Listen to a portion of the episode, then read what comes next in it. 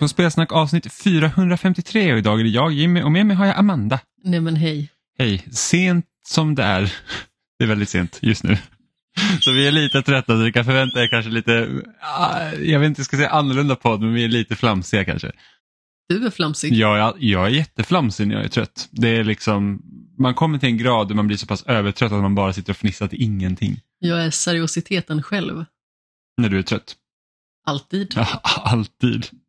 Och jag är som ett blankt papper. Eller?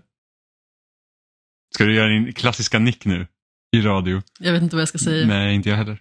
Det är faktiskt väldigt svårt.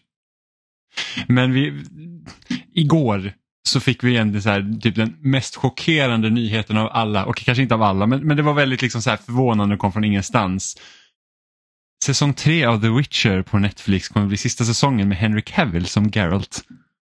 Den mest chockerande nyheten är väl kanske att ta i lite från tårna. Men eh, måttligt överraskad blev man ju ändå. Måttligt överraskad, otroligt överraskad. Det känns så här, what's the point? Att Du var bestört. Ja, väldigt bestört. För jag är lite så här, what's the point med att fortsätta? Det är liksom så här, det är Geralt. Man, man byter inte ut huvudkaraktären och sen så, så här, business as usual. Skulle man kunna säga att det var en väldigt dramatisk reaktion av dig? Det självklart, det är liksom, hur kan man göra så här? Det var som när Marvel och Sony inte kunde komma överens om Tom Holland. Och så här bara, ah, men det blir inte mer Spider-Man i MCU. Och man bara, but why? Han är ju jätteviktig. Eller var jätteviktig, nu vet jag inte hur liksom No Way Home var ju lite så här att, ja men den var väl viktig på sitt sätt men det, var, det kändes inte lika viktigt som eh, Far From Home var. För det projektet. Ja. För alla lyssnare så kan jag ju meddela att eh, Jimmy har ju en tendens att vara väldigt Jag är inte dramatisk. alls dramatisk, jag förstår inte det här. Anklagelserna. När vi var ute med hunden här om kvällen så utbrister Jimmy högljutt. Alla mina kollegor säger att jag är så dramatisk. Jag förstår inte hur! Så sa jag inte. Det var exakt så det gick till. Nej, men jag förstår inte var, vart det kommer ifrån. Eller så kanske jag bara har en annan definition av vad dramatisk är. Jag vet inte riktigt om jag håller med. Hur skulle du säga? Hur dramatisk. men ingen har förklarat för mig hur det är att jag är så dramatisk. Alltså både i kroppsspråket och i hur du uttrycker dig verbalt. Jag, jag förstår inte. Det var till och med dramatiskt när vi spelade badminton i parken. Men du- hallå, du sköt en låg boll som kom mot mig som en torped. Reaktionen. Ja, men, jag kallar det överlevnadsinstinkt. Den slog liksom på. Jag vill inte ha en boll typ i ögat. Det är i och för sig sant. Men det går också att kalla det dramatisk. Nej. Jag tycker att det är st- stora lögner från folk som inte vet hur dramatiska personer är.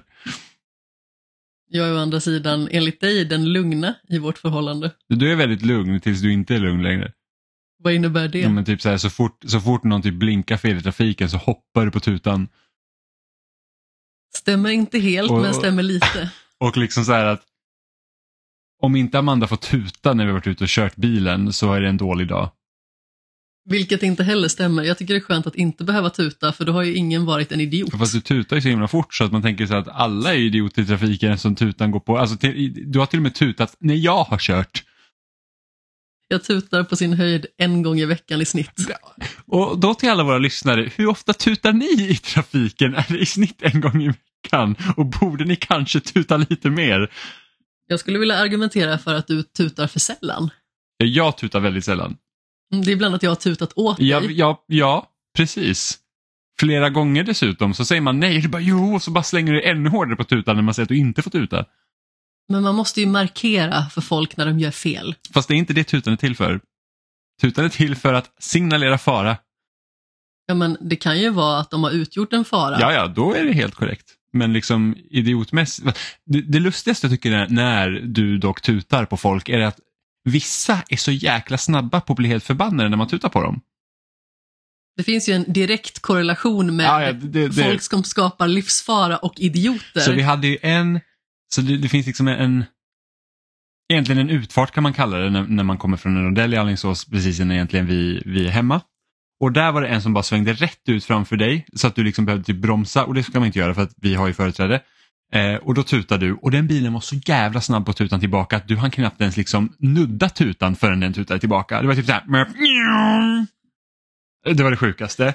Och sen hade vi en när vi skulle åka och handla på ICA var det en som svängde, alltså körde rätt framför dig i rondellen där du tutade på och, och personen tvärbromsar.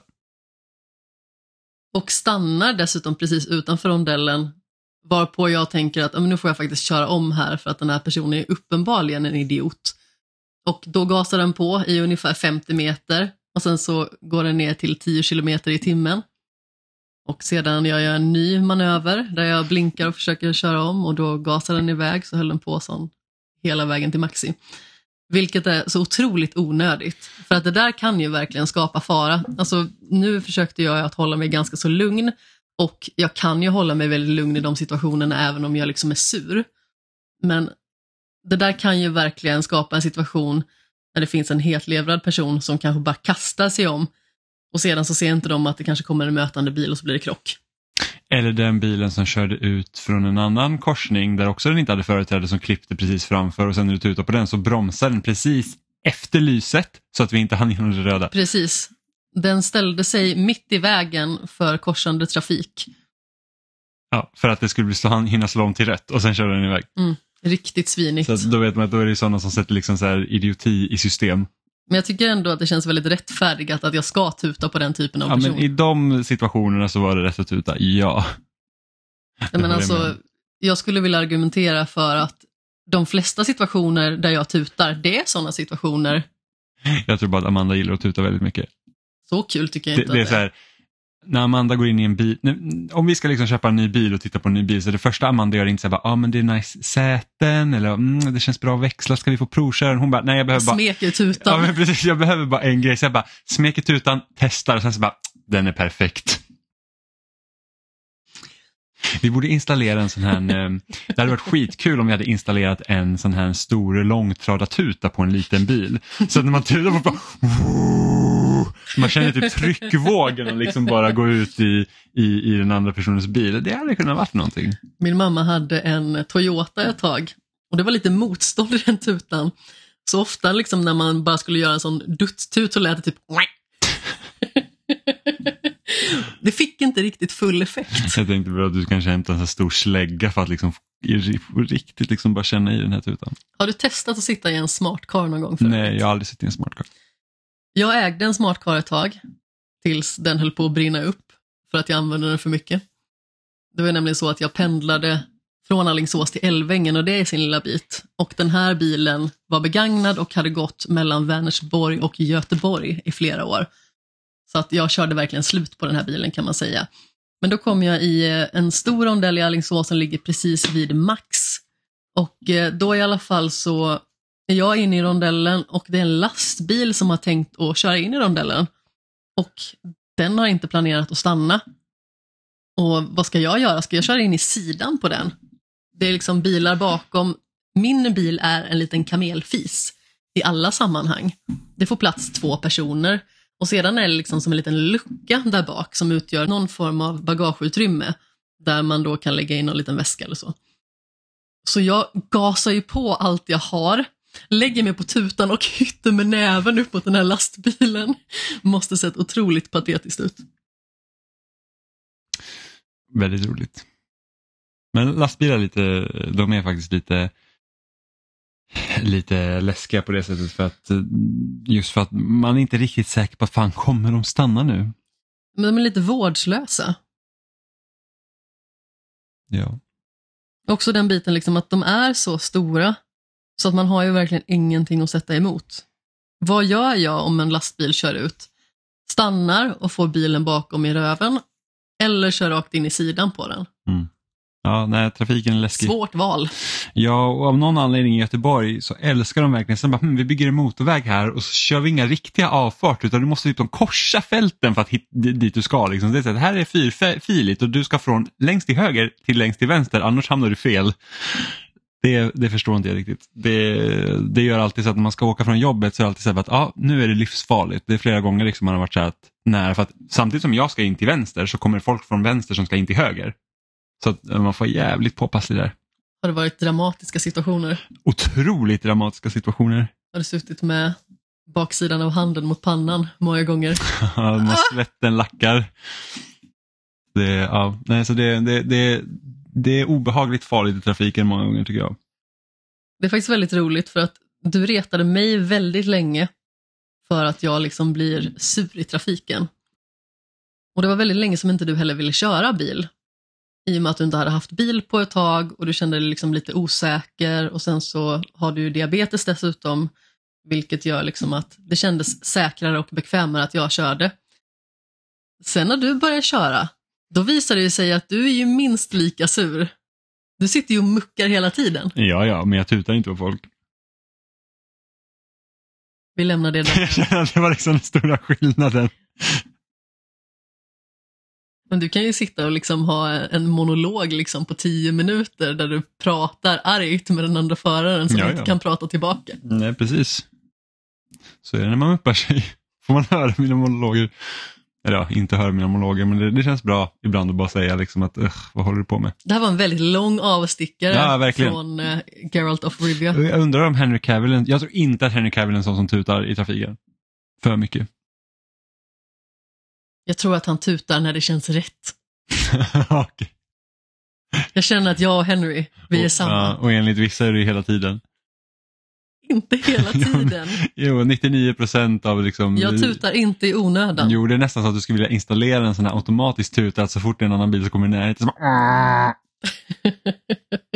Men eh, som sagt, jag tycker att det är jättetråkigt att Henry Cavill inte ska vara Garrett längre. För att jag, alltså, han har liksom blivit så synonym. Alltså, Okej, han är inte på samma nivå som faktiskt den som har rösten till Geralt i spelen. För, liksom, det är verkligen, alltså det är det jag tänker på när jag säger Geralt. Men... Vad den röstskådespelaren inte ser ut som sin Nej, röst för nej, jag vet, jag vet. Det är liksom, kolla inte upp. Eh, Det förstör allt. Men, Nej, det gör det inte. men eh, med Henry Cavill, han har gjort ett så himla bra jobb verkligen. Till att liksom, han känns ju väldigt mycket som en Geralt man, man liksom känner igen. Och, och jag har också läst böckerna. Så jag tycker han liksom gör den rollen väldigt, väldigt bra. Eh, och så har, ska de då byta till Liam Hemsworth, alltså den, den, den andra Hemsworth eh, som man känner till. Den andra av tre, va? Ja, den andra av tre, men liksom den tredje han är liksom verkligen så här, bara, jaha, var de tre? Eh, Medan det här är liksom den som var med i Hunger Games då. Eh, och, och jag vet inte, jag får liksom inte, ah, det är jätteknepigt för att jag vet liksom inte riktigt, det, det känns inte som en Geralt. När Henry Cavill liksom blev ut, utannonserad som, som Geralt så känner man sig, ja men jag, jag kan säga det funkar liksom. Men... Fast det var ganska så mycket kritik riktad mot det också. Alltså det var Ja, väldigt men- mycket så här skämtbilder med Henry Cavill som Geralt. Ja, men jag tror att det var bara för det kom den här promobilden där den, liksom, den peruken som syntes, på, eller hur de hade retuscherat det fotot såg ju verkligen så här att det där ser, så, det ser ut som någon har satt på en liksom hårhjälm på stackars Henry. Stackars Ja, Henry. ja, vi är på first name basis nu. Ja, absolut. Eh, Vi har kommit fram till att jag och Henry tutar ju av samma anledningar. Men hur som helst, dels så tycker jag ju att Geralt of Rivia i tv-serien har liksom blivit en så tydlig bild. Jag menar, även folk som inte är intresserade av bokserien från början eller av serien som spel har ju verkligen blivit djupt investerade i den här tv-serien och älskar den. Det är folk som pratar om den på jobbet som liksom aldrig har sett något av spelen eller läst en sida i, i någon av böckerna. Så därför tycker jag att det känns lite märkligt. Alltså jag förstår ju naturligtvis att det har med pengar att göra, att de vill fortsätta på grund av det.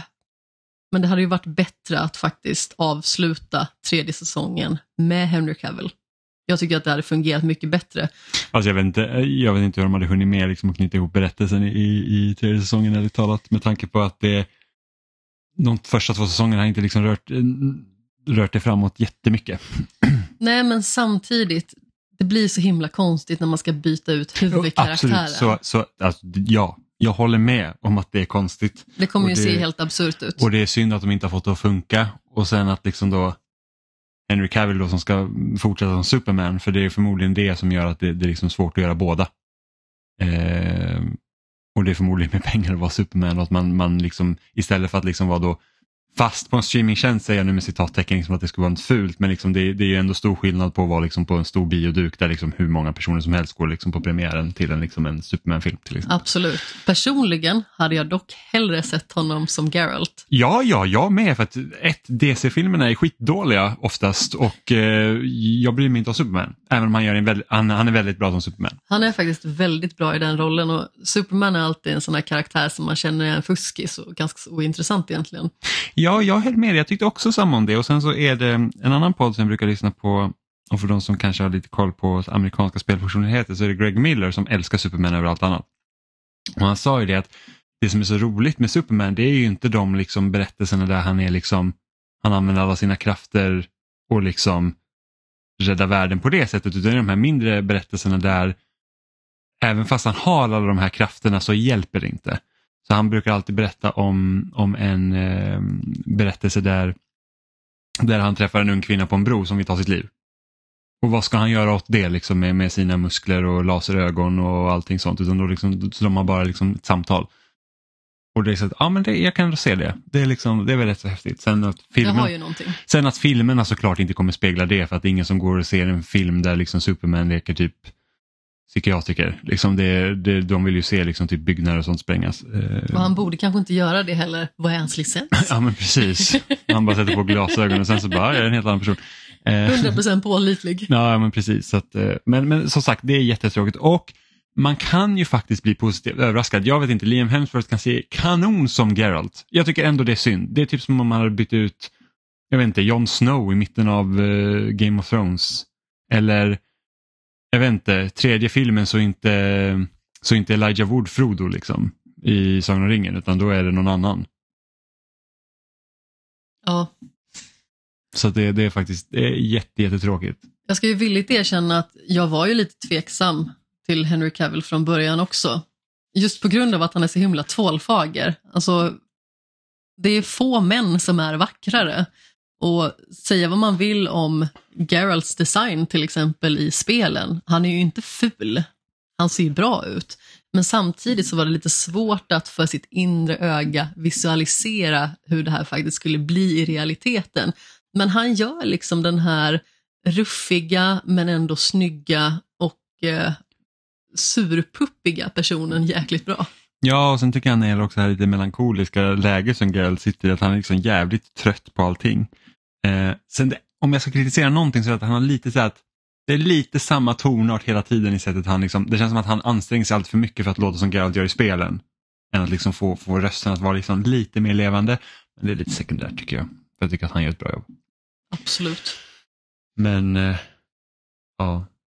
Sen är det lite som en redaktionskollega också sa att Liam känns lite som reabacksversionen av Chris. ja.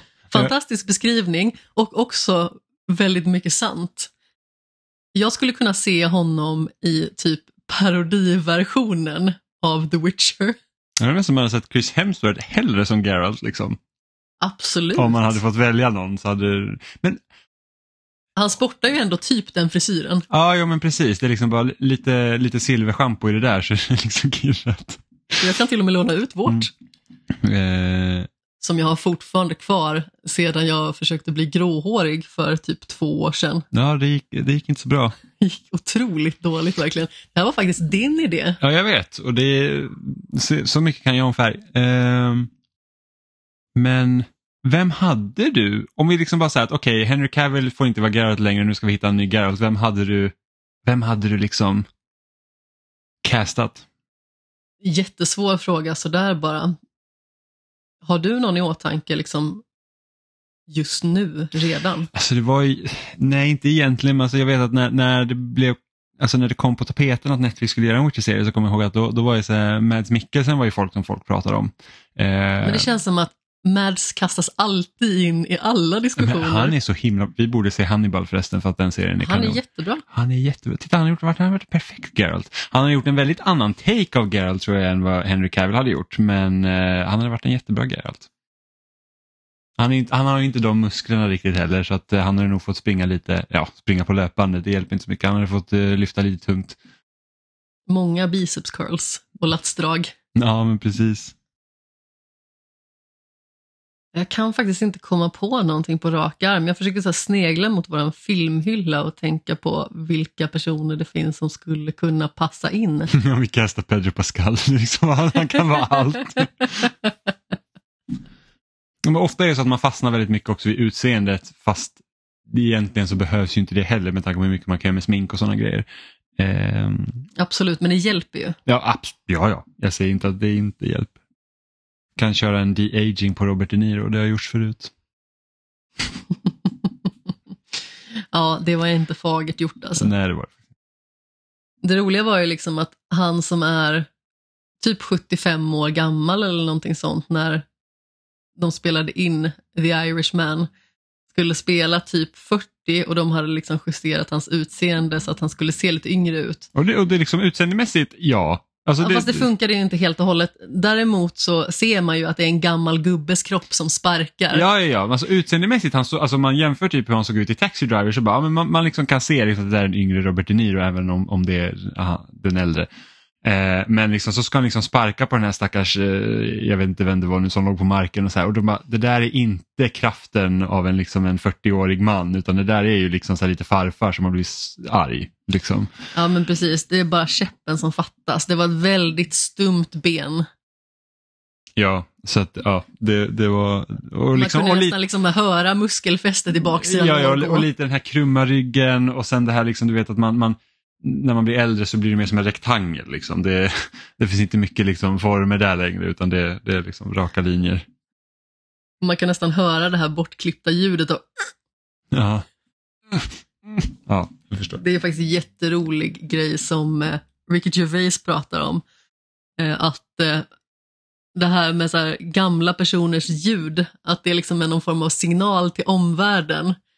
Att man liksom så måste stoppa pressarna och kanske hjälpa till. Det är liksom så här, ah, okej, nu vet vi att farfar böjer sig ner där borta. Och där kom han upp, nu fortsätter vi med våran barbecue. Ja. Jag hade velat kunna återge det på engelska för det är mycket roligare så, men det vill jag inte. Det hade inte blivit bra om jag skulle försöka agera med sån eh, komisk eh, timing som han har. Ja, det är en sorgens dag för Netflix uh, Witcher-serie känner jag ändå. Men vi har en tredje säsong att se fram emot i alla fall. Med Henry den store. Henry den store. han får nya epitet hela tiden. Jajamän. Henry den tvålfagre. Ja, precis. Eh, Men vi har ju spelat eh, en del spel den senaste veckan och vi har ju fortsatt på Gotham Knights. Hur tycker du nu att det känns så här en, ja, en vecka sedan vi pratade om det sist? Det känns på flera sätt lite som en missad möjlighet och det är lite sorgligt egentligen. Det känns som att vi har tagit upp det flera gånger när vi har suttit och spelat tillsammans. Just den här biten med att det finns många element som är bra och vissa där man liksom ser att idén är på väg någonstans som skulle kunna, kunnat bli riktigt bra egentligen. Hela det här systemet med att man spelar tillsammans, det är en bra idé. Alltså det är en rolig idé, men på pappret fungerar det liksom inte riktigt fullt ut. Det som jag tycker är synd, det är ju när vi slåss tillsammans, för att om vi ska vara helt ärliga, slåss är det man gör ungefär 98 procent av spelet Ja, sen har man något pussel lite här och var. ja, ganska så halvtaffligt pussel oftast. Men det som hade varit fint när vi faktiskt spelar tillsammans, det är att spelarna hade kunnat få vara mer liksom interagerande. Att de faktiskt liksom hade kunnat samarbeta på ett tydligare visuellt plan. Det hade bidragit så mycket till känslan. För just nu när vi spelar så blir det som så att när vi står och pucklar på en sån här storis, storis den faktiska termen, men en sån här riktigt stor köttig fiende som kräver liksom mycket mer ansträngning och eh, lite kombinationer och sådär. Då blir det liksom att vi står bara och hamrar på varsin knapp och ingenting speciellt händer. Vi står praktiskt taget på varandra och det vi gör oftast är nästan mer att förstöra för varandra. För att spelen är liksom inte i linje med varandra. Mm. Det har hänt flera gånger liksom när vi också skulle ha åkt motorcykel någonstans att den ena kör in i den andra Ja, men- och plöjer den av vägen utan att veta om det. Ja, men precis. Men det, Du plöjde mig rakt in i en vägg häromdagen. Ja, då åkte inte ens jag på samma sida av vägen som dig. Alltså jag, det var till och med, det kom en så här typ bjäll, alltså, man säga, en, en, någonting i mitten av vägen som delade vägen i två. Och du åkte på vänster sida och jag åkte på höger sida. Och ändå hade jag kört in i dig. Ehm, men men det, är- det är ju liksom, det är nätverkslagg så det, det, det är svårt att göra någonting åt. Ja men absolut, men det känns ju ändå otroligt tråkigt och det känns som att man förstör ofta för varandra snarare än att hjälpa varandra. Ja, alltså jag tror nog att största problemet med striden att det är liksom typ just när det kommer sån här stories då som man ska då ska man hålla in fyrkant för att göra en, liksom en heavy attack så man slår bort skölden och kommer igenom dess försvar och sen kan man puckla på. Det är bara det att du får in några slag och sen så är det liksom samma procedur igen så att det liksom det känns inte som att de olika attackerna eller kombona du gör liksom får tillräckligt stort genomslag för att det inte ska kännas, alltså det börjar liksom kännas ehm, eh, och nu kommer inte jag på det svenska ordet, men tedious. Eh, det är bara tråkigt helt enkelt. Det liksom känns, mm, ja, man, man bara liksom säger att ah, men nu ska jag börja det här igen. Eller typ, det kommer de här Court of Owl-fienderna där man ska hålla in eh, triangel eh, för att skjuta iväg typ, ja, men, sin liksom ranged attack så att säga. Eh, så att de liksom studsar ner då så att liksom de hamnar på marken och sen kan man slå dem men du kanske kan slå in, få in två, tre slag och sen är de uppe igen och så måste du göra om den proceduren och det är liksom inte, det känns inte bra att hålla in de attackerna för att ett, i, emellanåt så kändes det att fienderna ignorerar dem för att de är inne i någon annan frame liksom så att de bara nej men alltså det spelar ingen roll att du gjorde det här på mig för att jag lyssnar bara inte. Eller så att när du håller på och gör en kombo och sen så går du direkt till att hålla in en knapp så registrerar inte spelet det många gånger. Så man säger bara, men nu håller jag in fyrkant så bara, aha, Batgirl bara bestämde sig för att ställa sig och inte göra någonting för att hon fattar inte att jag höll in knappen. Eh, och jag tror att hade det här spelet haft liksom Arkham-spelens stridssystem, liksom, alltså bara tagit det stridssystemet, det här med att du, du pucklar på, du, du dashar liksom runt hela slagfältet och du har en counterknapp snarare än en, en, en dash. Tror jag hade varit mycket bättre för att dashen är ju också så att när, när man när de får de här, när fienderna får typ den här lite typ, typ stjärnan eh, markering liksom i sitt slag, då ska du liksom dasha eh, och då får du liksom en perfect dash och sen kan man göra en counterattack. Men det är bara det att ofta när du ser den stjärnan och trycker på en gång då kan det ta så lång tid för spelet att registrera att du trycker på knappen så du blir slagen ändå.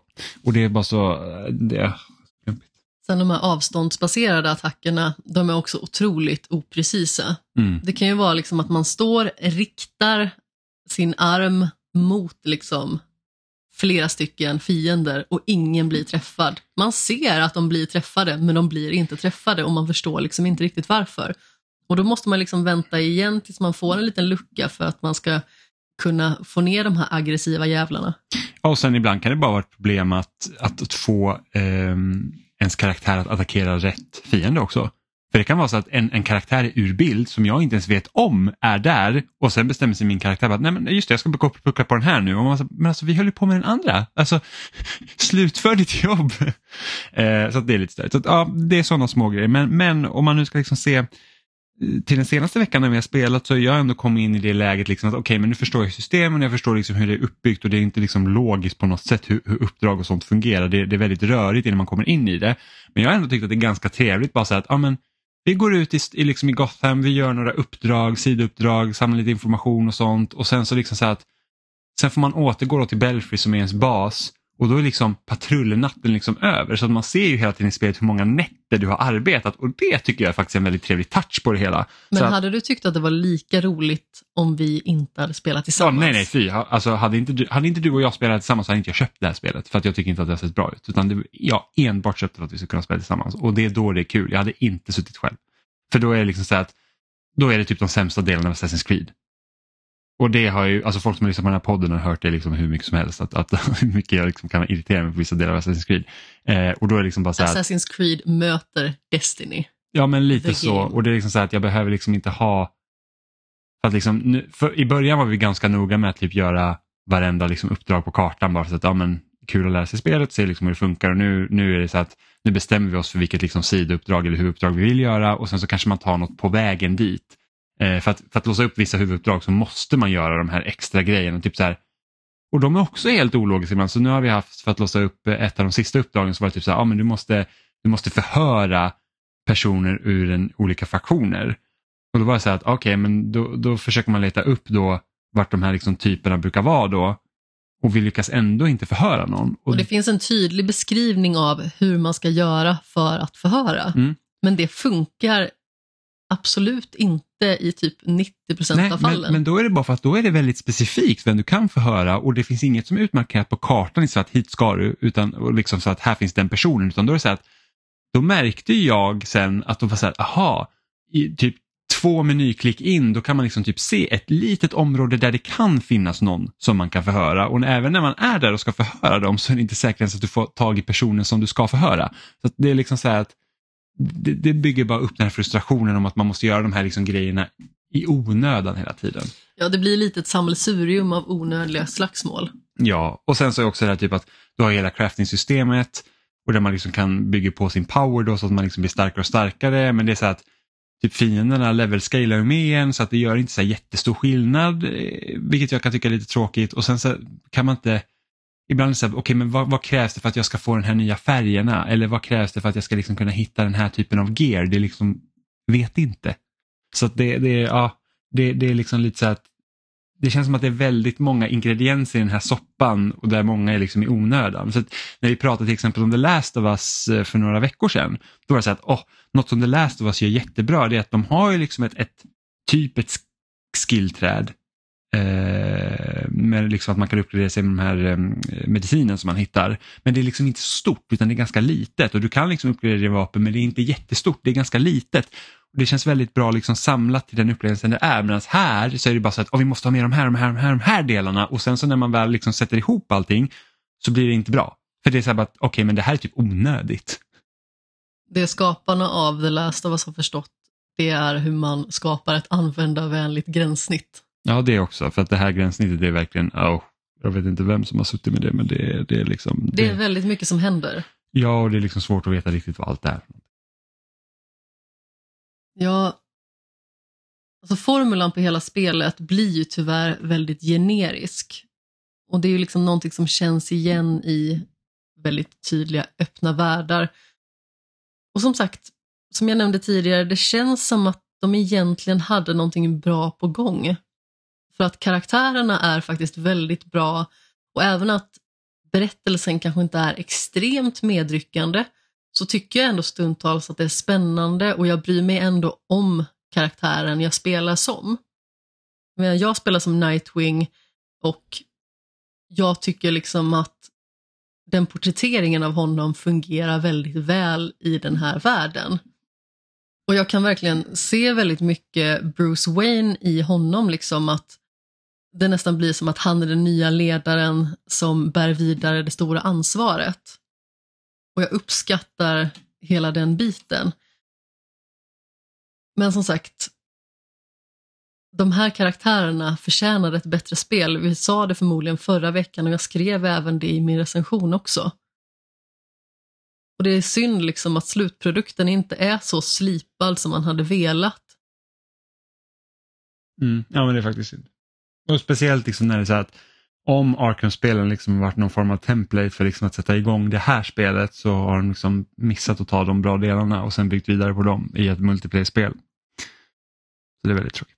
Det här spelet är ju väldigt mycket en rad av missade möjligheter egentligen. Jag noterade ju ganska så tidigt att Arkham Asylum fanns med på, på kartan och när det visade sig att vi behövde ta oss dit, då tänkte jag ju att här kommer man kunna göra mycket spännande saker. Men det händer ju väldigt lite som är av intresse och det blir väldigt mycket samma än en gång. Ja, det är bara så, alltså spelet är ju verkligen så att du går, alltså när du kör huvuduppdrag så går du i linjära banor och så slåss du. Det är det man gör. Så det är lite synd. Jag önskar att jag hade fått mer utav det här spelet för att det är ett universum som jag tycker om och bryr mig om. Och det är liksom svårt att göra annat än att dra in Arkham-spelen i ekvationen. Men när man älskar de spelen så mycket och de har så mycket fint att komma med, då är det liksom svårt att göra annat än att jämföra. Mm. Ja, vi får se hur Rocksteadys Suicide Squad-spel kommer bli då, för det ska ju faktiskt utspela sig i samma värld som Ar Arkham-spelen. Det gör inte detta. Nej men precis. Jag tycker det är väldigt synd också att det liksom inte var tvärtom, att det var Rocksteady som skulle göra det här spelet och att det var Warner Brothers Montreal som gjorde Suicide Squad. För Suicide Squad intresserar inte riktigt mig.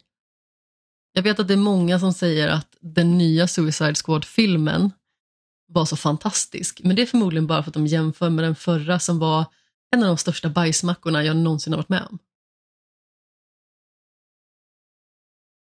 Min favorit är typ råttan liksom. Det säger ju en del. Mm. Ja, nej det... Ja, vi får se helt enkelt. Men det, det ska ju också vara ett multiplayer-spel så man får se hur de har tacklat hela den grejen då. Och för jag antar att det också kommer bygga på det fighting-systemet som finns i Arkham-spelen. Skulle jag tro, om det inte är en shooter av något slag. Men jag vet inte, vi har inte sett tillräckligt mycket för att man ska kunna göra den av, avgöra det helt enkelt. Finns det fler så positiva aspekter som vi ändå kan lyfta upp? Sånt som du har tänkt på när du har spelat? Mm, alltså jag tror jag har nämnt alla nu. Faktiskt. Någon karaktär som du lyfter extra mycket? Alltså jag har ju spelat som Batgirl. Så det är väl henne jag känner till och eftersom vi spelar tillsammans så får vi i princip se alla cutscenes med Nightwing. Så att eh, jag känner liksom inte riktigt henne heller. På den delen. Sant. Men även liksom sidokaraktärer och skurkar och sånt tycker jag faktiskt att de ja, hanterar relativt bra. Skurkarna, alltså okej, okay. Harley Quinn porträttering i det här spelet är faktiskt väldigt bra. Alltså både till hur hon ser ut och hur hon beter sig. Hon har inte den där jobbiga glättiga rösten hon hade i Arkham-spelen utan hon känns faktiskt mer som en, en karaktär som hade varit spännande att utforska mer av. Estetiken som de har liksom satt henne i, den fungerar väldigt väl. Mm. Ja, men jag, jag, jag säger det, det, liksom, det, det, det, känns mer som att den påminns om hur hon faktiskt såg ut i The Animated Series än vad det gör liksom hon såg ut i Arkham med hennes typ, jag vet inte, cheerleader-dräkt och kort, korta kjol och, och, grejer. Ja, där kan man ju faktiskt ge en känga åt Rocksteady att hon ser ju onödigt sexualiserad ut. Jo, men det är, alla deras kvinnliga karaktärer är onödigt sexualiserade i de spelen. Talia al Ghul. Ja, Poison Ivy. Catwoman. Catwoman är nog den som ser bäst ut. Jo, jo hon ska ju vara det, men det är ändå liksom så att man, man hade kunnat göra det på ett annat sätt om man hade velat. Ja, absolut. Och även Talia är ju med i det här spelet och eh, ja, mycket, har också en väldigt mycket mer intressant design, får man ju mm. lugnt säga. Så jag uppskattar ju ändå liksom det de har gjort här. Mm. Nej, på vissa det, plan. Ja, precis. Så att det, är inte bara, det är inte bara ris, det är lite ros också faktiskt. Så att, eh, och det är lite synd då att man inte liksom kunnat hitta ett mer spännande spel att spela på, på, på de premisserna som finns. Och framförallt liksom att det är roligt att ändå spela tillsammans. Men man önskar ju att själva spelet i sig var roligare. Ja, precis. Eh, men jag har inte bara spelat Gotham Knights liksom i superhjältegrej. Jag upptäckte ju jag, jag, upptäckte för några dagar sedan Marvel Snap. Toaspel på steroider. Ja, på, på min mobil som är ett, liksom ett, ett kortspel som är utvecklat av eh, gamla Hearthstone-veteraner då som är Blizzards kortspel som, som jag också har spelat en del, även om jag inte har spelat så här supermycket. Eller liksom inte hållit mig egentligen uppdaterad och ajour med det riktigt så. Eh, men det här spelet, alltså okej, okay, ärligt talat, jag tycker att det här spelet är helt fantastiskt. Det är utan tvekan ett av årets bästa spel och jag vet, jag brukar ibland skälla på folk som säger så här, jag spelar det här spelet, det är ett av årets bästa, men nu är fan närmare vi oss slutet av året. Nu kan jag med gott samvete säga att det här förmodligen kommer vara ett av mina liksom, favoritspel i år. Um, för att ofta så här, jag tycker ett kortspel kan vara skitkul. Alltså, jag spelade Hearthstone ganska intensivt ett tag, även om jag aldrig liksom var superduktig. Eh, så, så hade jag liksom ändå en, en, några månader där jag spelade ganska mycket och liksom köpte kortlek, eh, alltså kort och sånt. Eh, och sen liksom kom ut och jag spelade lite Magic och jag spelade lite Yu-Gi-Oh! och Pokémon Trading Card Game. Har jag liksom spelat, spelade det Gameboy-spelet till exempel. Blev det lite eh. Gwent också kanske, apropå The Witcher? Nej, Gwent har jag inte spelat. Eh, jag har ju det här sidospelet som kom som baseras lite på Gwent The Witcher Tales, vad det heter, eh, som jag har varit jättesugen på att spela för att jag liksom tycker om berättelserna i The Witcher, men det har liksom inte blivit att jag tagit mig tiden till det för det är typ 20 timmar långt. Jag tycker ju att Gwent är så fasligt tråkigt att spela när man spelade i The Witcher 3. Jo, men det är bara så att när man kommer till Gwent så känner inte jag att jag vill sätta mig ner vid ett bord och spela kort. Jag vill ut och slå monster. Liksom. Det... Ja, absolut. Och så typ i en sekvens där man ska göra en räddningsaktion och så säger Dandelion liksom att men nu kan vi sätta oss och spela lite Gwent medan vi väntar här. Mm, man bara fuck you, jag vill inte spela Gwent. Men tar det jävla och flippar bordet på dem och kastar ut alla kort. Eh, och sen när man upptäckte också att man så här att vissa kort kan du inte få sen när du har kommit en bit in i storyn. Då är det så här, bara, ah, men orkar inte ens bry mig. Eh, men så är inte Marvel Snap i alla fall utan det är eh, vad ska man säga, det är ett kortspel light kan man säga och, och med det så vill jag inte liksom något, på något sätt liksom säga att oh, men det, det är typ babykortspel utan det, liksom, det finns ganska mycket strategi och sånt i det men till skillnad från andra kortspel så tar det liksom inte typ en kvart, 20 minuter att spela ett spel utan det tar typ tre minuter. Alltså det är jättesnabbt vilket är så jäkla skönt. Eh, för att då gör det också att det är lättare att ta sig in i när du blir ägd så blir du inte ägd i en kvart innan du liksom faktiskt förlorar utan du liksom så att okej okay, men nu gick det dåligt för mig, jag såg det i näst sista liksom, rundan och bara okej okay, nu är det kört.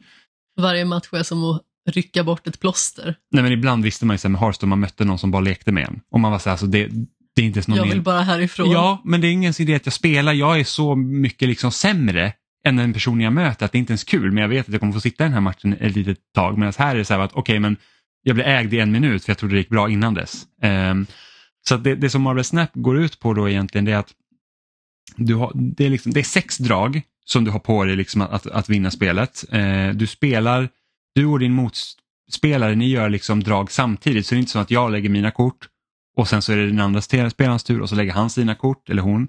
Utan det är så att runda ett, jag lägger mina kort, runda ett, den lägger sina kort och när vi har lagt våra kort och vi har slutat bara rundan då, får vi, då vänder man liksom upp på korten och så får man se dem. Då.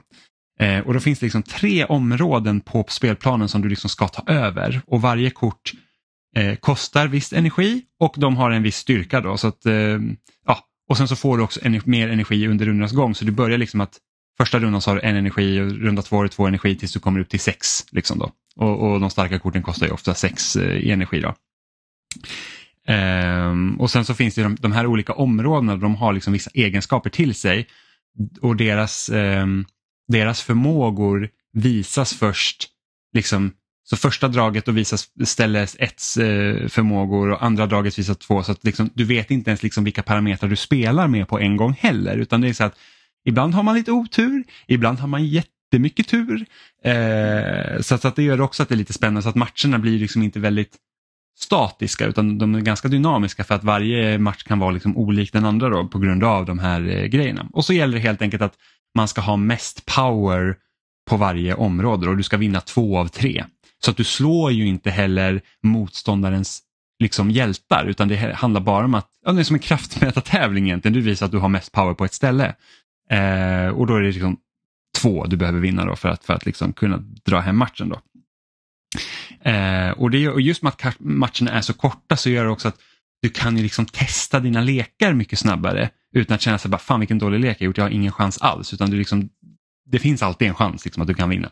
Näst känns det som. Eh, och, och liksom, visst, har du, har du byggt en dålig lek och eh, du har förlorat tre minuter tid på det, då är inte det hela världen.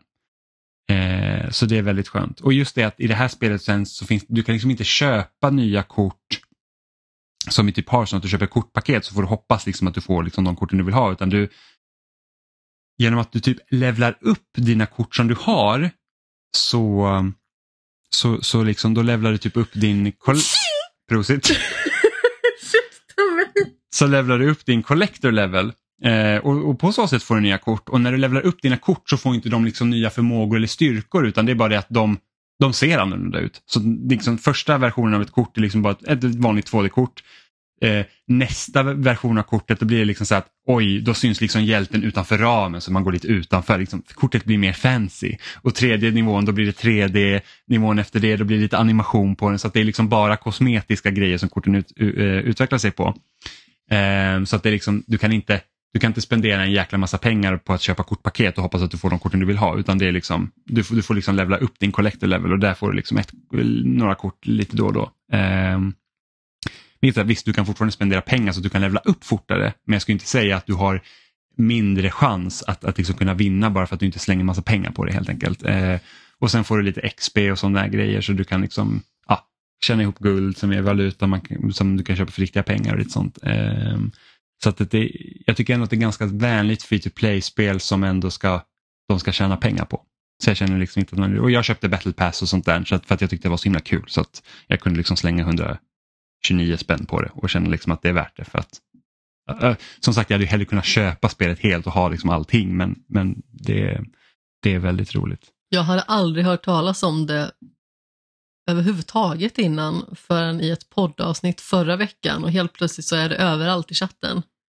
Ja, men det var för att Stefan hade ju börjat spela det och ingen annan har ju spelat det. Och jag har hört lite om Marvel Snap men jag tänkte att jag har inte tid liksom för ett sånt här annat spel. Och sen så var det så i fredags så fick jag bara ett infall, jag bara, men jag kanske ska testa Marvel Snap ändå, liksom bara, vad gör det? Jag testar och jag blir ju hooked. Alltså det var så sjukt att jag vaknade så här, natten mellan fredag och lördag så vaknade jag gick på tova och sen satt jag typ 40 minuter på tova och, Och spelade, spelade Marvel och spelade. Marvel Snap så att jag kunde typ inte röra benen så att jag skulle gå därifrån.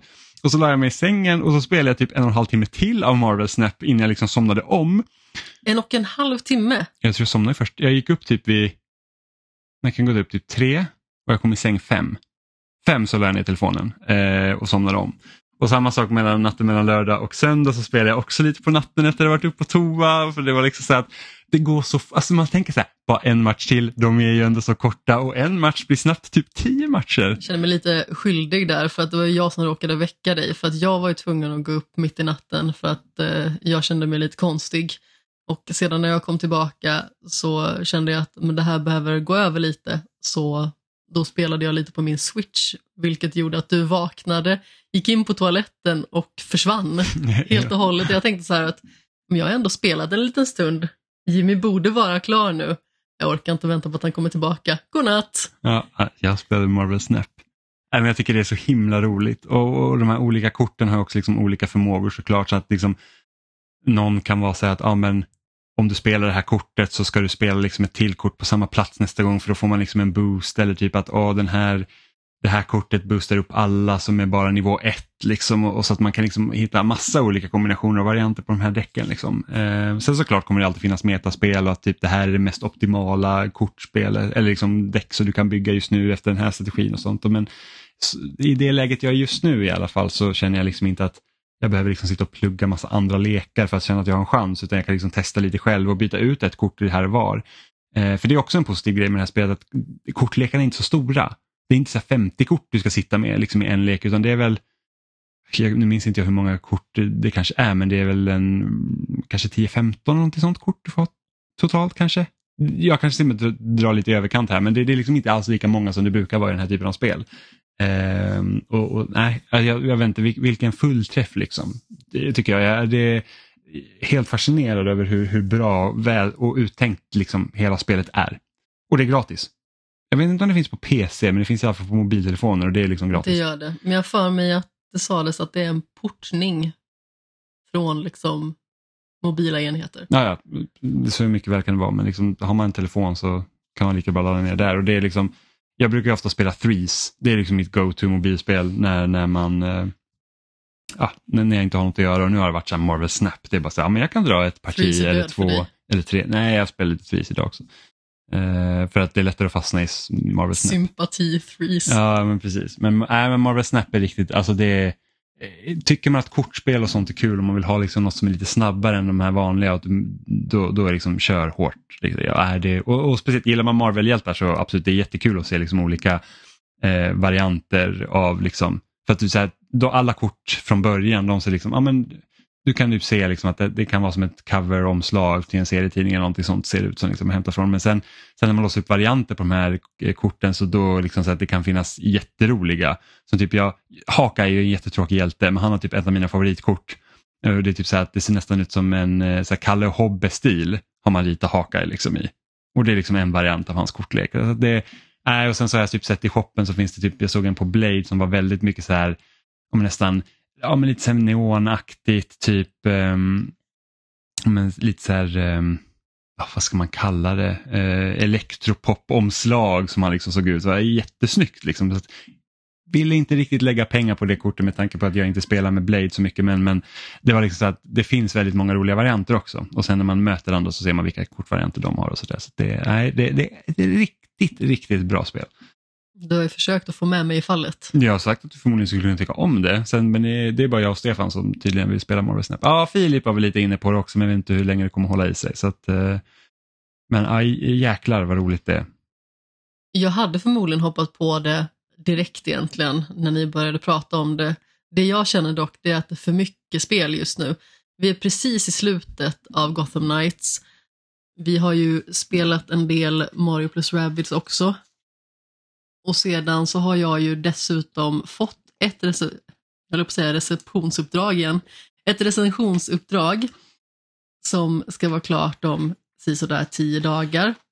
Men jag har också ett som kommer komma förhoppningsvis inom den närmsta veckan.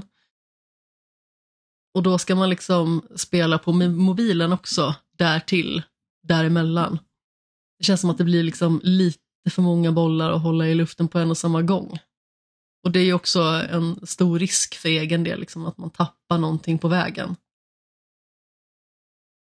I Jo. synnerhet om jag börjar sitta 40 minuter på dass som du. Jo, men det är perfekt med Marvel Snap för att man kan spela lite när som helst när det inte passar att spela något annat. Någon känner sig ensam. Ja, men hon kan ju faktiskt bara vandra in hit i vårt rum. Vi sitter ju faktiskt här.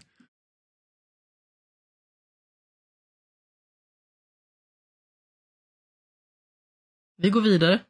Ja, det är ett helt fantastiskt spel. Men som sagt, vi har ju spelat också Mario plus Rabbids som vi inte hann prata om förra veckan eh, för att vi hade massa annat att prata om. Och har inte hunnit spela lika mycket, i alla fall inte jag. Eh, men nu har vi spelat Mario plus Rabbids Sparks of Hope som är då uppföljaren till det tidigare Mario Rabbids-spelet eh, som kom för typ fem år sedan.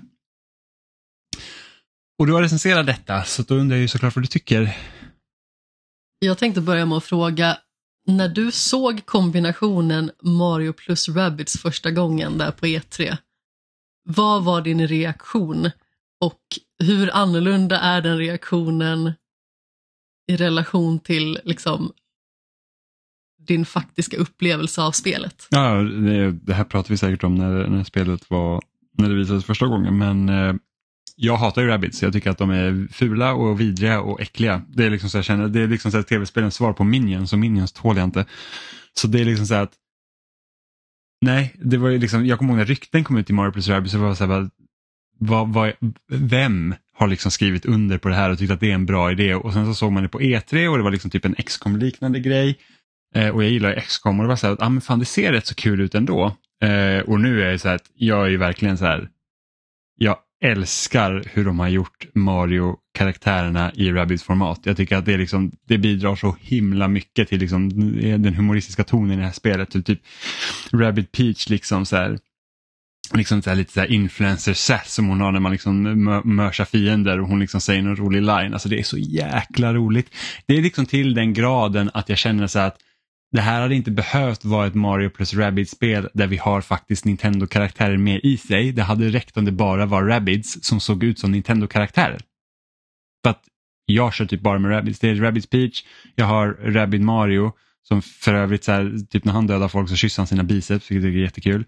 Eh, och sen så är den här nya karaktären Edge då som inte baseras på någonting tror jag. Eh, som, som har funkat rätt så bra. Men det, det är så himla mycket charm i de här karaktärerna och jag tycker att man ser liksom att ja, men, Peach är ju inte som Peach är men liksom så att hur hade en sån här liksom hur hade man gjort någon som klär ut sig till Peach och sin, liksom tänker då ah, prinsessa exempelvis eller ah, Mario som liksom då är hjälten, hur hade han betett sig? Så att där, de har nailat det så otroligt mycket. Det, det är fantastiskt.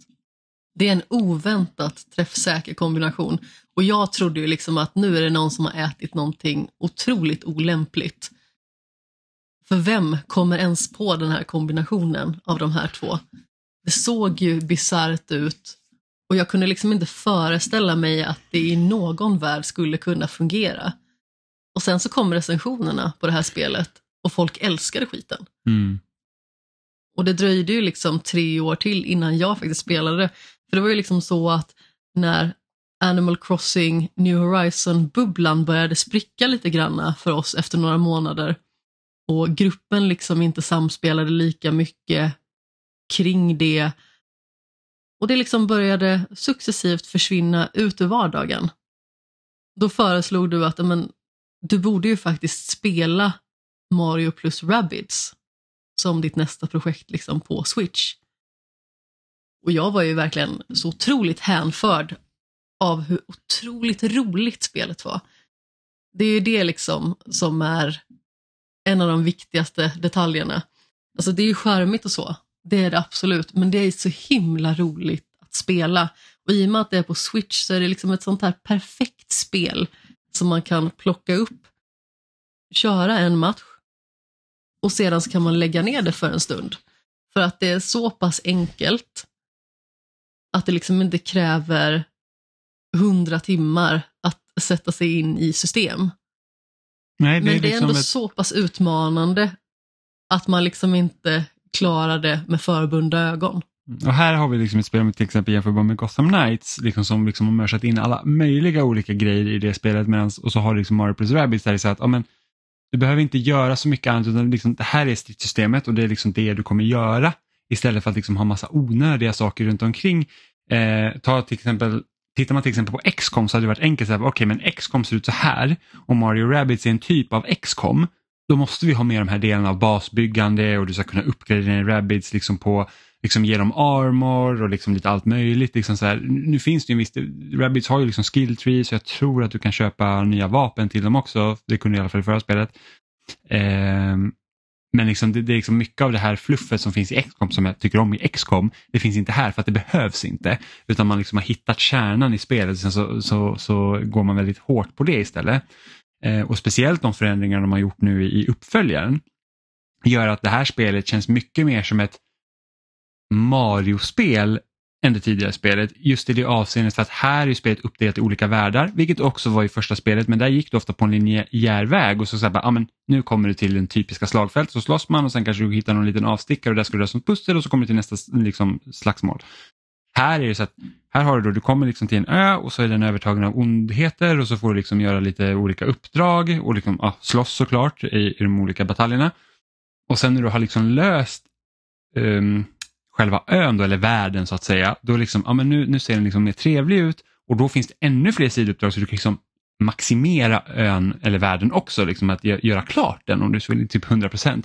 Precis som typ Ja, men när vi spelade eh, Super Mario 3D World till exempel eh, med den här Bowsers Fury liksom grejen så var det så att ja, men vi behöver de här stjärnorna för att vi ska klara Bowser men sen så kan vi också 100% den här eller ta varför inte Super Mario Odyssey där det är liksom så att du behöver så här många månader för att komma till nästa del men om du vill vara kvar här i typ New Donk City eller öken eller vad som helst så kan du göra klart allting.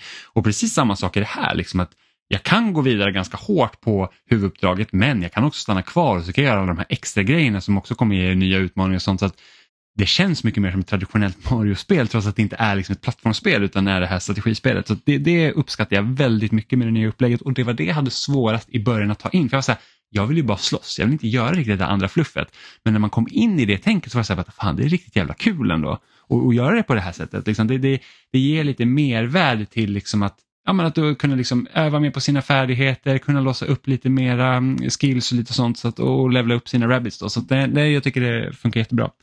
Jag är också med på den punkten, liksom. men jag tror fortfarande att jag ställer mig lite skeptisk till de här lite mer öppna världarna som finns. Det är liksom olika planeter som man färdas mellan, som man då frigör från den ondska som har tagit över egentligen. Och eh, i förra spelet, då var det liksom att man gick rakt in i ett slagfält utan att det liksom blev någon form av laddningsscen däremellan på det sättet.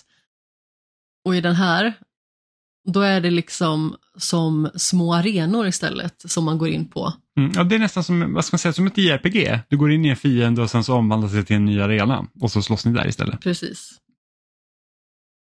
Jag kan ju fortfarande liksom se behållningen för de flesta med de här små världarna att strosa runt i. Och det finns ju absolut saker att göra där som är av värde. Det vill säga liksom att man kan ju uppgradera sina karaktärer till exempel med de här lite mindre striderna. Det finns små uppdrag som också liksom är knutet till att man faktiskt strider. Jag tycker ju liksom att den stora behållningen med spelet är alla de här fantastiska strategiska, äh, strategiska äh, slagfälten. Och jag äh, älskar liksom själva känslan som det bringar. Men jag förstår ju att fluffet bygger världen på ett helt annat sätt och gör det till ett mer sammanhängande spel. Mm. Det enda jag känner är kunna säga lite kritik, jag tycker att hittills att det är väldigt mycket lättare än det förra spelet. Det förra spelet tog jag verkligen så att oj vad svårt det var helt plötsligt. Det var liksom så att man tänker så här, men det är ett Nintendo-spel som kanske är gjort för en lite yngre publik och då blir det lite så här XCOM light och då kommer det ändå vara liksom så att det kanske inte är så svårt men det var faktiskt väldigt bitigt. Nu klarade inte jag ut första Mario Rabbit för det kom andra spel i vägen men jag, jag kom väl nästan till slutet i alla fall. Eh, men det var bitigt på många sina ställen och förvisso jag har inte kommit lika långt i det här spelet så det kanske blir jätte, jättemycket svårare sen men hittills känner jag att det är väldigt mycket lättare även i början. Jag håller med. Jag tycker faktiskt att det är betydligt lättare. Men å andra sidan så kan man inför varje sån här arenastrid ändra svårighetsgraden om man vill. Så känner man liksom att ja, men jag tycker att det här är lite för lätt, då kan man öka upp svårighetsgraden. Och tycker man liksom inte att det känns tillräckligt bra, då kan man ju alltid sänka den igen. Precis. Eh, Jag har ju kört på normal hela vägen igenom, för jag tänker att det kommer förmodligen komma en liten tröskel här någonstans där det blir betydligt mer utmanande och eh, jag faktiskt får på tafsen. Mm. Och det är ju, och jag tror att en del till att det liksom känns lite lättare just nu också för de har ju ändrat liksom hur striderna fungerar lite. så att i, i, I förra spelet så var det mer liksom rutnätsystem, liksom att du går, du liksom visar hur liksom karaktären ska gå och det verkar som att de går över rutnät. Nu har du liksom ett varje karaktär har liksom ett rörelseområde där du kan gå fritt i. Så länge du inte attackerar med ditt vapen så kan du göra liksom alla dina andra actions. Så du har ju typ att du kan ge buffs till dina eh, karaktärer beroende på vilken karaktär du är då. Eh, du kan liksom dasha dig genom fiender som inte räknas som en attack med vapen. Eh, och du kan också liksom ta hjälp av dina karaktärer för att ja, men, du behöver komma lite längre fram så kan du liksom göra en superjump på en så då hoppar du på din egen karaktär och så, kommer, liksom, så flyger du upp i en propeller och så kan du åka lite längre bort så du kommer liksom längre från din grupp men kanske närmare till fienderna beroende på hur liksom du liksom väljer att spela. Och sen när du väl väljer att nu ska jag skjuta en fiende, då låses din gubbe fast egentligen till den platsen. Um, och det tror jag också gjort att du, du är liksom lite mer friare i rörelserna tror jag också gör att det känns lite lättare också för att helt plötsligt har du liksom lite andra valmöjligheter och du, liksom inte, du blir inte så styrd av det här liksom rutnätet som fanns tidigare. Den här rörelsefriheten skapar ju en väldigt fängslande dynamik, tycker jag. För att det går ju väldigt mycket att leka runt innan man faktiskt drar sina slutgiltiga drag. Mm. Och jag uppskattar liksom det lilla pusslandet som man måste utsätta sina karaktärer för för att få det att fungera. För då kan det ju liksom vara så att då har du en karaktär som kanske ska dasha en fiende för att sedan hoppa på en lagkamrat och ta sig vidare för att kunna få in ett bra sikte på en fiende som sitter liksom bakom något hörn och gömmer sig. Och sedan när man väl har tre karaktärer då blir det ju ännu roligare och också lättare liksom att eh, lösa de här situationerna på ett eh, kreativt sätt. Så då kan man ju liksom fortsätta på den biten att ja, men okej, vi flyttar den här karaktären hit så att man sätter upp för en möjlighet här borta med den här karaktären. Så just liksom den här zonen som nu är istället för det här väldigt klassiska rutnätet. Det gör liksom att det bara känns ännu trevligare och mysigare. Ja, och, och sen så du är fri att byta mellan karaktärerna hela tiden tills du faktiskt har gjort alla dina drag. Precis. Så att du liksom, om, om, säg att du börjar med Rabbit Peach och sen så går du med henne till ett ställe men du vill inte, du vill inte bestämma om du vill skjuta en med henne. Då kan du gå till en annan karaktär innan. Så att du är heller inte fast i någon sorts turordning i ditt eget lag. Eh, som till exempel XCOM, jag vet inte om det var så faktiskt i XCOM 2 men jag vet i alla fall att det var så i Enemy Unknown. Det är så att ah, men du börjar med den här karaktären då måste du liksom, då får du bli klar med den karaktären och sen går du till nästa och sen till nästa. Eh, Medan här så kan du liksom byta fritt. Så att det är det är faktiskt, eh, de förändringar de har gjort är väldigt bra och jag ska inte säga så att det är bättre eller sämre mot det förra spelet, det är bara annorlunda. Så att det gör ju också, tycker jag också är kul för att då blir det så här att det hade ju lätt kunnat bli så att ja, men det är Mario Rabbids igen. Eh, lite andra fiender kanske, lite andra förmågor och sådär. Men det är inte bara Mario Rabbids igen utan det är, liksom, det är en utveckling av systemet och de gör en annan grej av det helt enkelt. Trots att liksom, det, visst, det är fortfarande ett strategispel. Eh, det finns väldigt många saker som är, är lika men, men just de här små förändringarna gör att det känns väldigt olika att spela. Absolut. Och hur mycket jag än uppskattar liksom den klassiska torrheten i rutnätsystem och så, så ger det liksom en helt annan bild av hur ett strategispel kan vara. För att man har ju kanske den bilden från första början, liksom att man rör sig ett visst antal rutor i taget och det ska se ut si eller så och man kanske har ett visst antal drag på sig att göra sina attacker eller hela eller vad det nu kan vara. Och Jag tycker på något sätt liksom att de uppdateringarna som de har gjort för det här spelet är verkligen ett steg i rätt riktning. Och då är det ju ändå någonting som de tar avstamp i som är otroligt solitt som hantverk. Förra spelet, Kingdom Battle, var ju kanon verkligen. Mm. Så på pappret hade de ju liksom inte behövt göra så himla mycket annorlunda, men jag uppskattar verkligen liksom att de försöker ta spelet till nya utmaningar och eh, ändå ändra lite av sin grundvision från första början. Mm. Ja, det, det, det, är en värdig uppföljare och hittills tycker jag om det väldigt mycket. Det tar det verkligen till nya höjder. Mm. Jag älskar det här spelet än så länge. Och eh, även att jag liksom inte har spelat klart det än, eh, så känner jag ju liksom att eh, det ligger bra till. Precis som du känner liksom med Marvel Snap. Men Snap. Marvel Snap är jättebra. Jag blir bara glad jag tänker på det. Ja, jag blir glad när jag liksom tänker på att få spendera mer tid med eh, min Switch. Jag gillar verkligen liksom den känslan också av att men jag kan ha med det här spelet på jobbet. Jag kan liksom kanske spela då en sån här batalj under lunchen medan jag äter. För att det kräver liksom inte att jag är aktiv hela tiden och jag kan ta det i godan ro. Jag kan sitta här och fila lite med mina drag och så flyttar jag en karaktär lite hit och så lite dit och så tar jag en tugga mat och sen så bestämmer jag mig för att men den här fienden ska få på nöten här för att jag sedan ska få förlyfta mig bort till andra sidan här. Sedan så kommer lagkamraten på den här sidan och sedan så gör man slut på den här nissen här borta.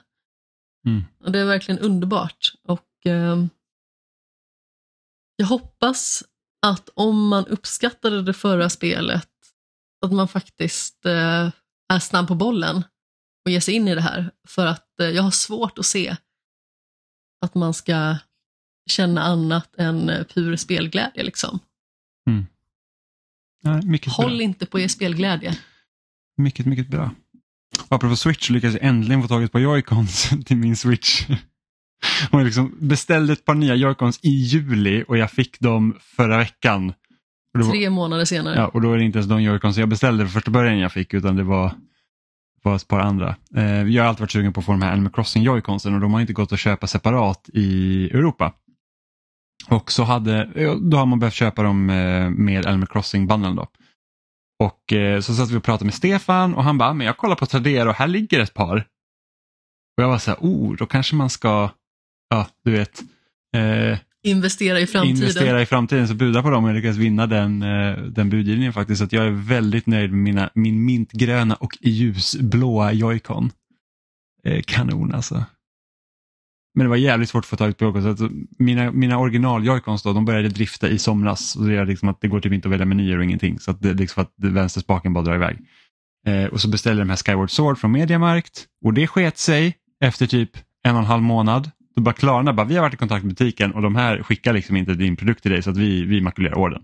Det var liksom så att det var Klarna som fick hoppa in och säga att nej det går inte för jag hade ju fyllt i så här att jag kan inte betala fakturan för jag har inte fått varan. Så det skötte de jättebra. Eh, sen beställde jag ett par gulblåa från webbhallen och då stod det så här, ah, men de är på väg, det är på väg 50 in i lager. Ja ah, men nice, då får jag ett par joycons ganska snabbt. Och sen så stod det still där också av någon anledning. Det hände liksom ingenting, det går inte att få tag i joycons. Och sen samtidigt som vi såg den här Tradera-annonsen då, då skickades mina gulblå joycons. Så jag var idag och lämnade tillbaka på webbhallen då. Så att jag har mina Animal Crossing joycons nu. Så att nu, nu, min Switch är numera jättefancy. Den är faktiskt väldigt tjusig måste jag säga. Mm. Jag spelar väldigt lite bärbart men man vill gärna ha fungerande Joy-Cons när man väl ska spela. Det blir så svårt annars. Ja. Det är få spel som man kan spela helt och hållet utan joycons. Ja men precis, ja, jag har ju en Pro-kontroller så, jag kan- så fort det är dockat så Jo, kan men jag jag spela menar den. om Ja, man men, faktiskt spelar på resande fot. ja nej, nej det går ju inte. Och sen så Sen kommer ju faktiskt snart golf till, eh, till eh, Switch Sports och då, då gäller det att man har rediga Roycons att spela med. Roycons och Roy, mina, mina Joycons har hemorrojder, det blir en Roycons. Det var det jag tänkte på först. Det var inte dit Nej, jag men det såg var, det det, här det var gå. det jag såg. Klockan är mycket, jag är väldigt trött. Då tänker man lite konstigt. Ehm, men så att, eh, ja, jag är redo för lite Switch Sports. Jag är redo för att spela Switch mer bärbart, även om jag sällan spelar bärbart. Om jag spelar bärbart nu för tiden så spelar jag på min Steam Deck. Jag spelar ju betydligt mer bärbart än vad du gör. Ja, men det är bara för att jag, av någon anledning så spelar inte du Switch på tvn. Jag förstår liksom inte varför. Jag tycker det känns så härligt i händerna när man sitter med switchen. Ja, jag, Steam Decken spelar jag mycket på, men det är bara för att jag streamar från min Xbox till min Steam Deck i sängen. Så att jag har spelat typ Persona 5 på det sättet. Eh, försök spela typ Halo Infinite någon gång, så det, det är för stor delay. Men eh, Persona 5 funkar bra, liksom, för det är som en interaktiv bok, mer eller mindre. Och sen med eh, omgångsbaserade sidor. Så att, eh, ja, det... Så att, när kommer jag använda mina Animal Crossing Joy-Cons? Jag vet inte, men använder man dem inte så kommer de inte gå sönder. Men jag är väldigt nöjd i alla fall. Men det var allt vi hade för den här gången helt enkelt. Eh, klockan är numera halv elva och vi ska upp tidigt imorgon så att det blir bara att gå och lägga sig. Mars, mars i säng nästan. Vi är halvt förstörda dessutom. Ja, jag, jag, är, jag kom in i min andra andning nu så att eh, jag är på G. Du känner dig inte halvt förstörd Nej, i nej. träningspasset. Ah, nej, det, det kommer sen. Det gör det nog. Ja. Eh, men ni hittar oss som vanligt på spelsnack.com och där finns också länkar till alla ställen vi finns som sociala medier som Facebook, Twitter, Instagram, Youtube. Eh, vi finns ju såklart i din podcastapp där du väljer att konsumera podcast helt enkelt. Så Spotify, Apple Podcast eller RSS-flöden. Eh, jag vet inte om Google har någon så här officiell podcast-app som Apple har till exempel, men om de har det så finns vi där också. Så att, eh, ni kan lyssna på oss egentligen överallt. Och ni kan också skicka in frågor till oss på kontaktespelsnack.com där ni också kan skriva, ja, vad vill ni höra att vi ska prata om? Har ni någon fundering som ni tror att vi hade kunnat liksom ge ett bra svar på? Ja, det är bara att skicka in antingen via mail eller kommentarer på några av våra sociala medier eller på loading.se där vi också läggs upp varje vecka. På en skala 1 till 10, hur dramatisk är egentligen Jimmy? Jag är, inte, jag är inte ett dugg dramatisk. Jag tycker, Ah! allt, jag tycker allt det här ljuget som har kommit ur eh, vissa det här avsnittet är uppåt väggarna. Jag Jag skulle vilja säga att det var en väldigt dramatisk reaktion. Nej, det var en korrekt återgivning av situationen.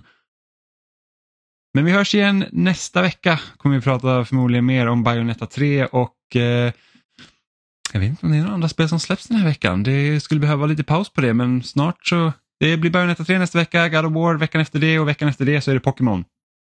Fun, fun, fun.